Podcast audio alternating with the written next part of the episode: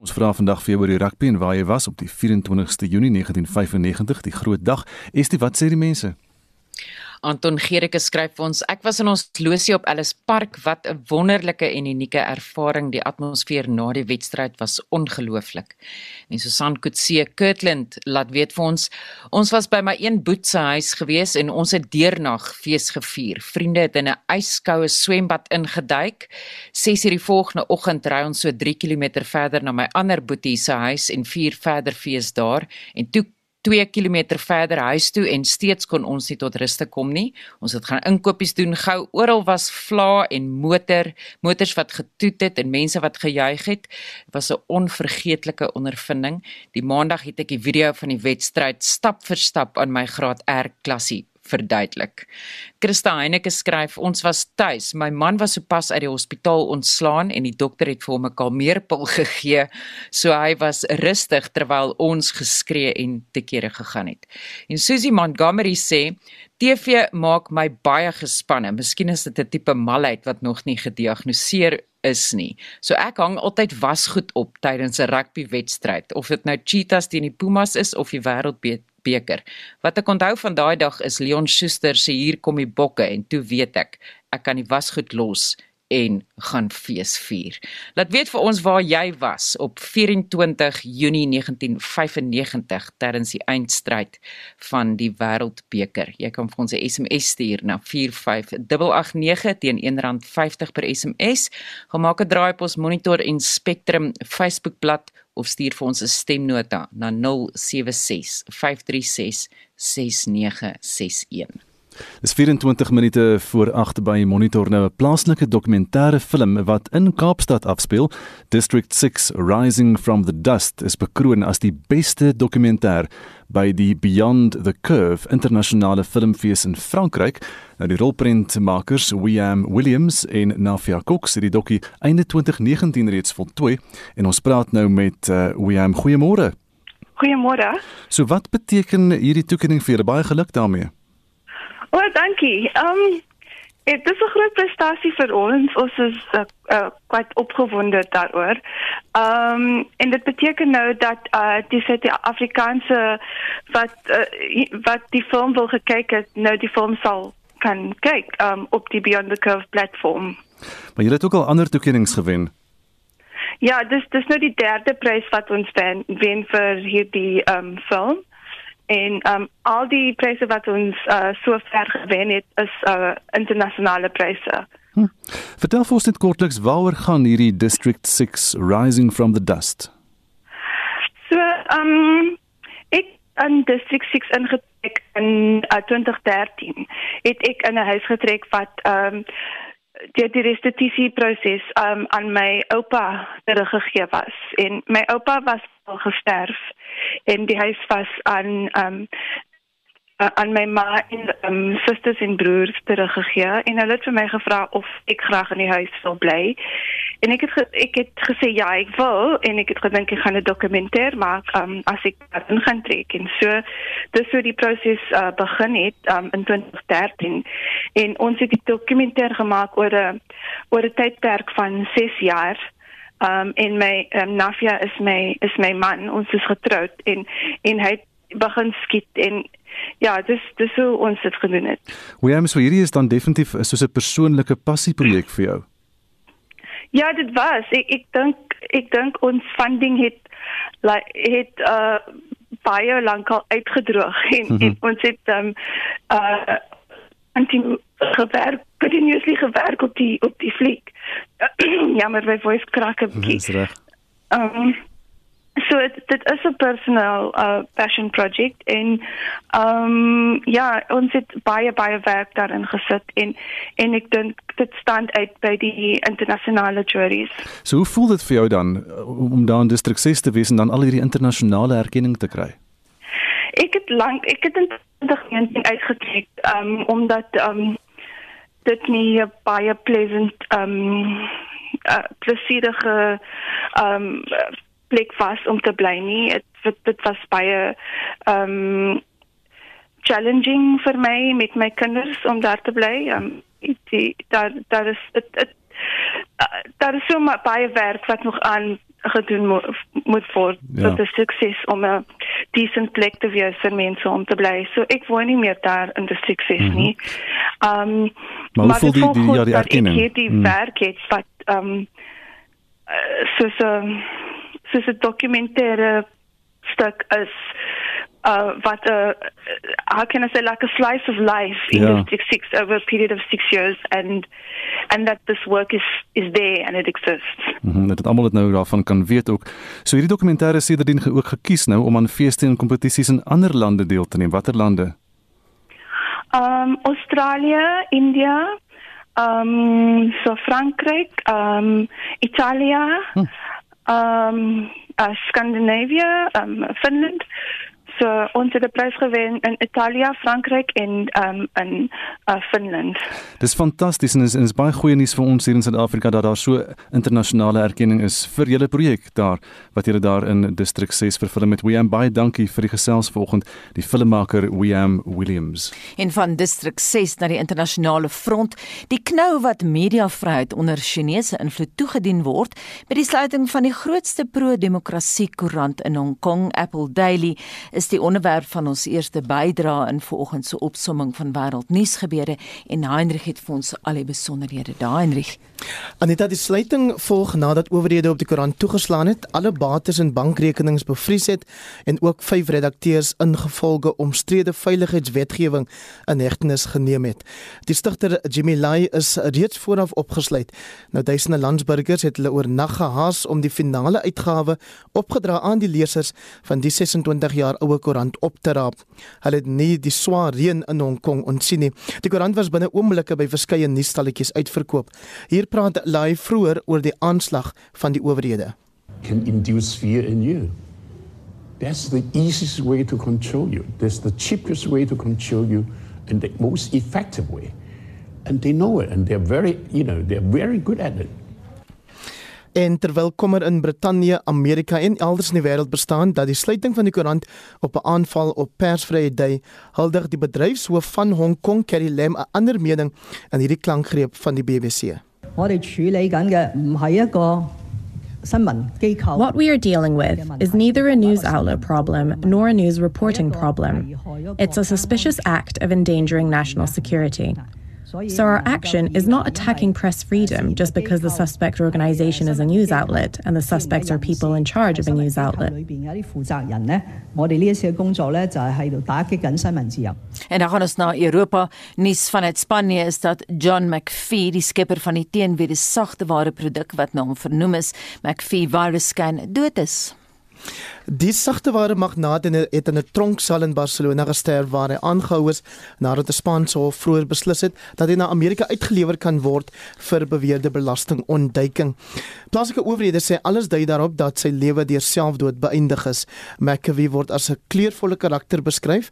Dit is weens 'n veelerlei gebeure waarmee hy oor die jare die nuus gehaal het, soos sy erkenning van dwelmgebruik, sy troue met 'n prostituut, sy twee presidentsiële veldtogte en dan die moord op 'n buurman waarby hy ook betrek is. McAvee se pa het ook selfdood gepleeg toe hy maar 15 jaar oud was. En sake kommentators is verbaas dat McAvee ten spyte van die omstredenheid waarin die stigter homself gereeld bevind het, se naam behou is.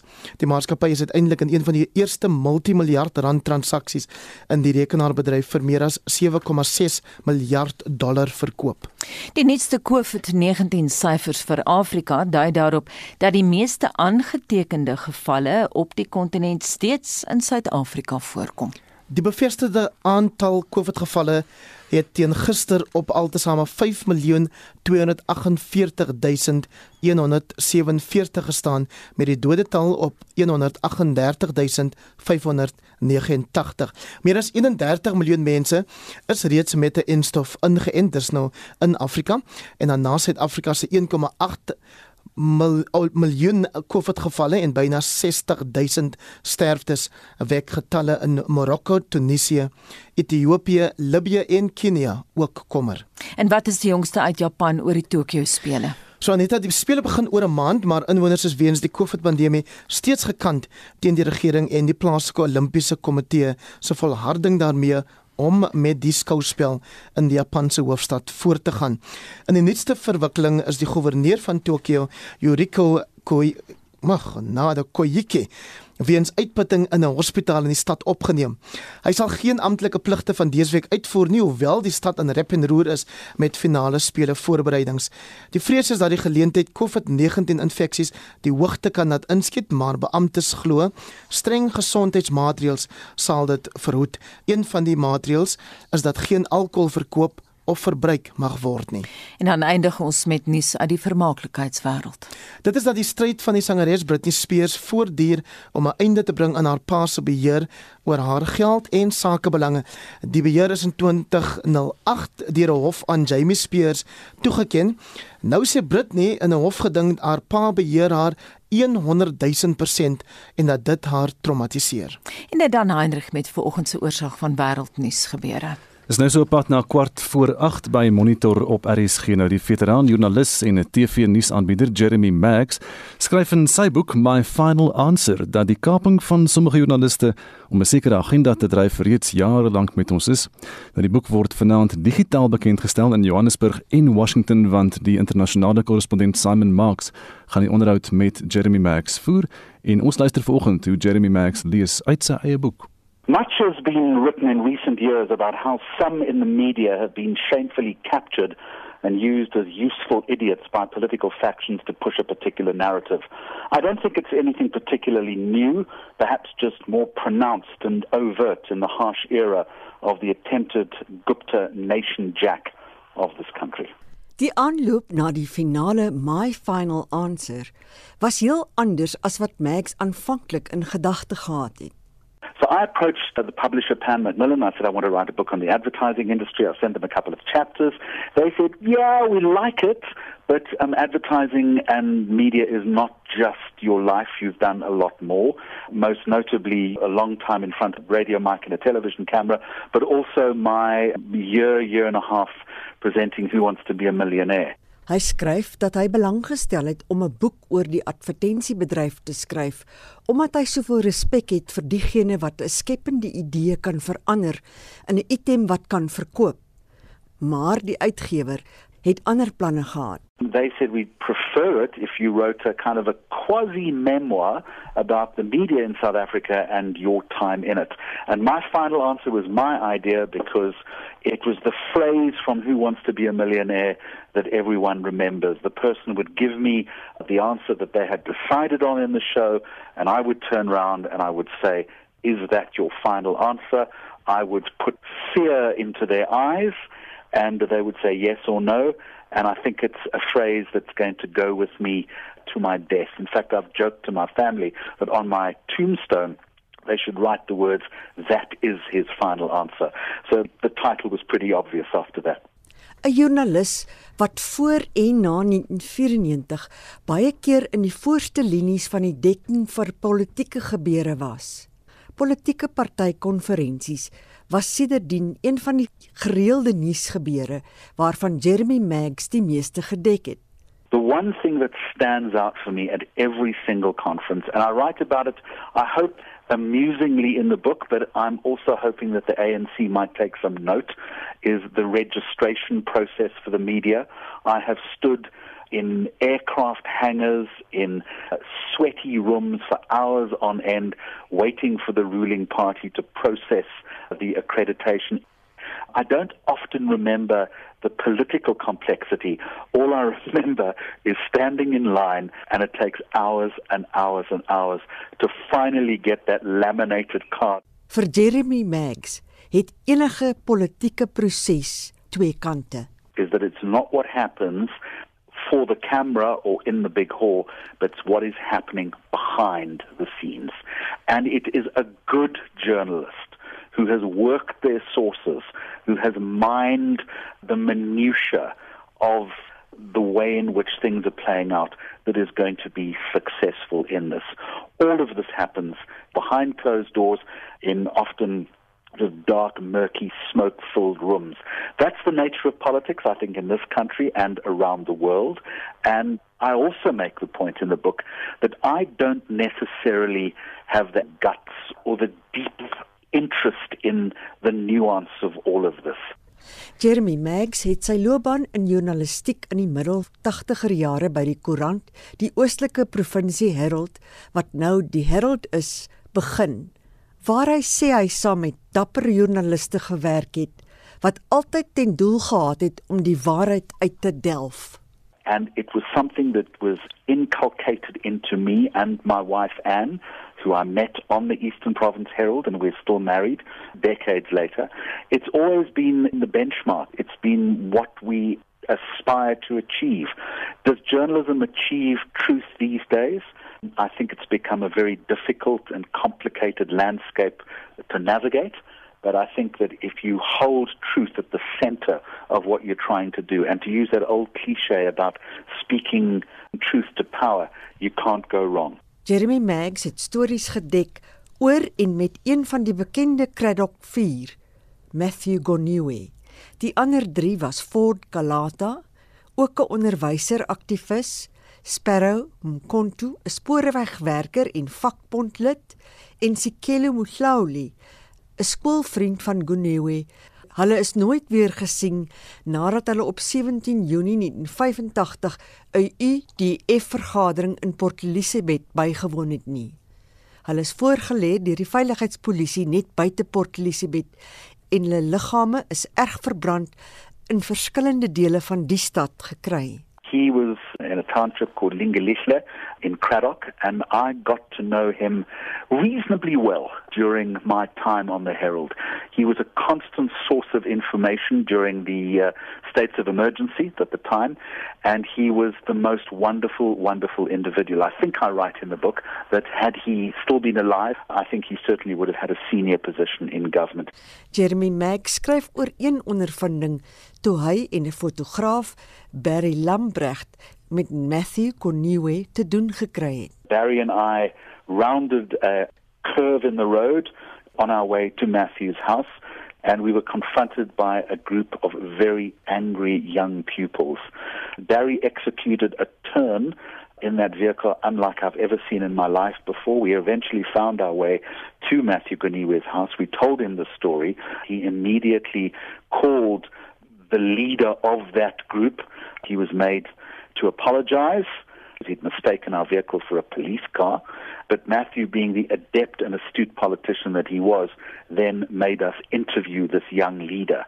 En dan het Jeremy Maggs, die koningin van Engeland se man, Prins Philip, die hertog van Edinburgh, jare gelede in Suid-Afrika ontmoet. Prins Philip is in April vanjaar oorlede. Max is aan Prins Philip voorgestel as die aanbieder van die televisieprogram Who Wants to be a Millionaire. And he was very acerbic, saying something along the lines of that basically it was just a lot of rubbish and that he couldn't be bothered to look at it or something because the show was at its height of fame in the United Kingdom. And then he proceeded to ask me a very complicated question about the Mbeki government at the time, or the Mandela administration, I can't even remember who the president was at the time then, about their policies towards the environment. I had absolutely no idea how to answer this question, and all I wanted was for the ground to open up and for him or for me to disappear. As aanbieder van Max on Media het hy 'n kans gekry om die wêreldbekende ontwerper se Paul Smith te ontmoet. Iemand wat hy beskryf met sy voete plat op die aarde. Jeremy Max lees uit sy boek The Final Answer hoe die onderhoud geëindig het op 'n vraag van hom van hoe 'n gelukkige lewe behoort te wees. Take it slow. Life is a joy. You don't have to be rich and famous straight away. Take it easy, grow gently and you'll have a lovely life. And it's pretty kind of hallmark greeting card stuff, to be quite honest with you. But I've reflected on that, and if we could live our lives by taking it a little bit more slowly and trying to find the joy in it, I think that we would all be happier people, and I think that we would be a happier country. Of course, we've got to face the stark realities of how difficult it is sometimes to live in South Africa, but that's not bad advice. Die bekende mediapersoonlikheid Jeremy Maggs, Mitsi van der Merwe, SAK nuus. Dis tyd om vir Estie weer 'n spreekbeurt te gee. Anita Jones Retief skryf vir ons: Ek kon nie kyk nie. Ek het in die laboratorium van die Bosbou fakulteit op Stellenbosch aan my MEC eksperimente gewerk. 'n Vriend het gehelp en ons het op die radio geluister en toe die eindvletjie blaas het ons muur bo op die laboratoriumbank gespring vir 'n vreugdedans. En Johan Geyser laat weet ons het by die Waterkloof lugmagbasis se offisiere menasie gekyk. Oud weermag en MK lede het saam gekyk en het saam die euforie en opwinding van die oorwinning gevier. Selfs die lede van die Britse leer wat teenwoordig was, is opgesweep in die gees van die oomblik. Kom ons luister nou na wat van ons luisteraars in stemnotas vir ons gestuur het. Ek was daar op Ellis Park op my verjaardag, een van die beste verjaardagsgeskenke wat ek nog ooit gehad het. Die spanning was onbeskryflik en met die oorvlug of verbyvlug van die SAL vliegtuig met die gelukwense wat agter hom wapper, het dit jou bloed laat stol. Wat ook vir my treffend was, die wete dat dit wat ons daar ervaar het, uiteindelik sy aanvang gehad met wyle president Nelson Mandela wat beklei het vir die behoud van die Springbok en wat ook die eerste wedstryd bygewoon het. Kobus Olofse, Alexander Bay. Ja, die 24ste Junie 1995 sal ek seker nooit vergeet nie. Dis 4 dae gewees voor my 21ste verjaarsdag. Ons het die beker eindstryd gekyk by my paale en Heidelberg, Gauteng, die strate was mal. Die mense wat by jou verbyry druk hoeter, almal waai vla, almal is opgewonde, almal is opgewek. Ek wonder of Suid-Afrika ooit weer so 'n dag sal beleef. Dis Frans Boysen aan hierdie kant. Daai dag met die Wêreldbeker. Vroegemôre in Voortrekkerstraat 3 blokke ver, het Melodies, Loostors en speakers uitgesit in die strate en hulle jong soetsers liedjies gespeel hier kom die bokke, hier kom die bokke. En daai dag toe Jos Transki daai bol te die palle jag met daardie wen skepskop. Toe juig ons omtrent rondgespring soos 'n klomp malgoed. Oor daai skepskop van Jos Transki, hy daai dag 'n hero geword. Nou daai Saterdag, die mense het deurgepaard het tot Sondag. Dis Hetty. Daai jaar met die Wêreldbeker het ek nog vir Israel gewerk. Ek het 'n kaartjie gekry wat ek vir my man gegee het. Hy het dit gaan kyk. Ek het by my ouers gesit. Ons was almal daar in die, in die sitkamer en toe daai laaste skop oor is en ons wen die Wêreldbeker, was dit 'n groot trane dal. En Klasie sê ons was op 'n rugby toer in Port Elizabeth en die Leon Schuster liedjies in die Oakdale se skoolbus sal ek nooit vergeet nie. Nikki Pieterse laat weet vir ons ek het by my suster in Swaar saam met my pa gekyk en dit was my pa se verjaarsdag en hy het nou gesê dit was sy grootste verjaarsdag geskenk. Rex Bester laat weet ons was saam met vriende vir 'n naweek wegbreek in die Houhoek Hotel naby Grabouw en 'n hoogtepunt vir my was toe Pieter Hendriks die bekende Campo, dis nou David Campies van Australië uitoorlede het met 'n 3. En Jopie van Vryheid sê ek was in Pia, ek en my vrou het die wedstryd op die radio geluister en die hoogtepunt van die wedstryd was ongetwyfeld Joel Stransky se skep se skepskop om die wedstryd in die Bokke se guns te beklink en die vertoonvlug van die Boeing 747 was asemrowend. Linda Jakob sê ons as familie het almal saam by my suster en Lady Smit bymekaar gekom en op TV gekyk. Kyk daar was gegil en 'n geskree en dan doodse stilte en 'n groot gejuig toe die eindvletjie blaas. Baie dankie vir al jou terugvoer vanoggend. En dis dan al die rugby terugvoer vandag Marlenae, wat is op die dagboek vir Spectrum om 12? Die hofgeding tussen die ANC en die party se geskorste sekretaris-generaal Ismagashule begin virtueel in die Suid-Afrikaan of eerder die Suid-Gautengse Hooggeregshof. Hy wil hê die hof moet sy skorsing tersyde stel en ook die party se op sy staande reël ongrondwettig verklaar. Die ontplooiing van troepe in Mosambiek kry die groen lig en die Sonderkommissie van ondersoek duur voort met Bosasa verwante getuienis. Ja, op daai noot moet ons groot onthou vorige uitsendings van Monitor Spectrum naweek aktueel kommentaar en fin fokus is op RSC se webblad as 'n potgooi beskikbaar. Gaan na www.rsc.co.za. Dis die einde van Monitor. Ons redakteur vanoggend is Wessel Pretorius, ons waarnemende uitvoerende regisseur Hendrik Martin en ons produksieregisseurs vanoggend Daitrin Godfrey en Johan Pieterse. Monitor is môreoggend om 6uur terug. Ek is Gustaf Greiding en my naam is Anita Visser en Anne Marie sit gereed met die 8uur nuus.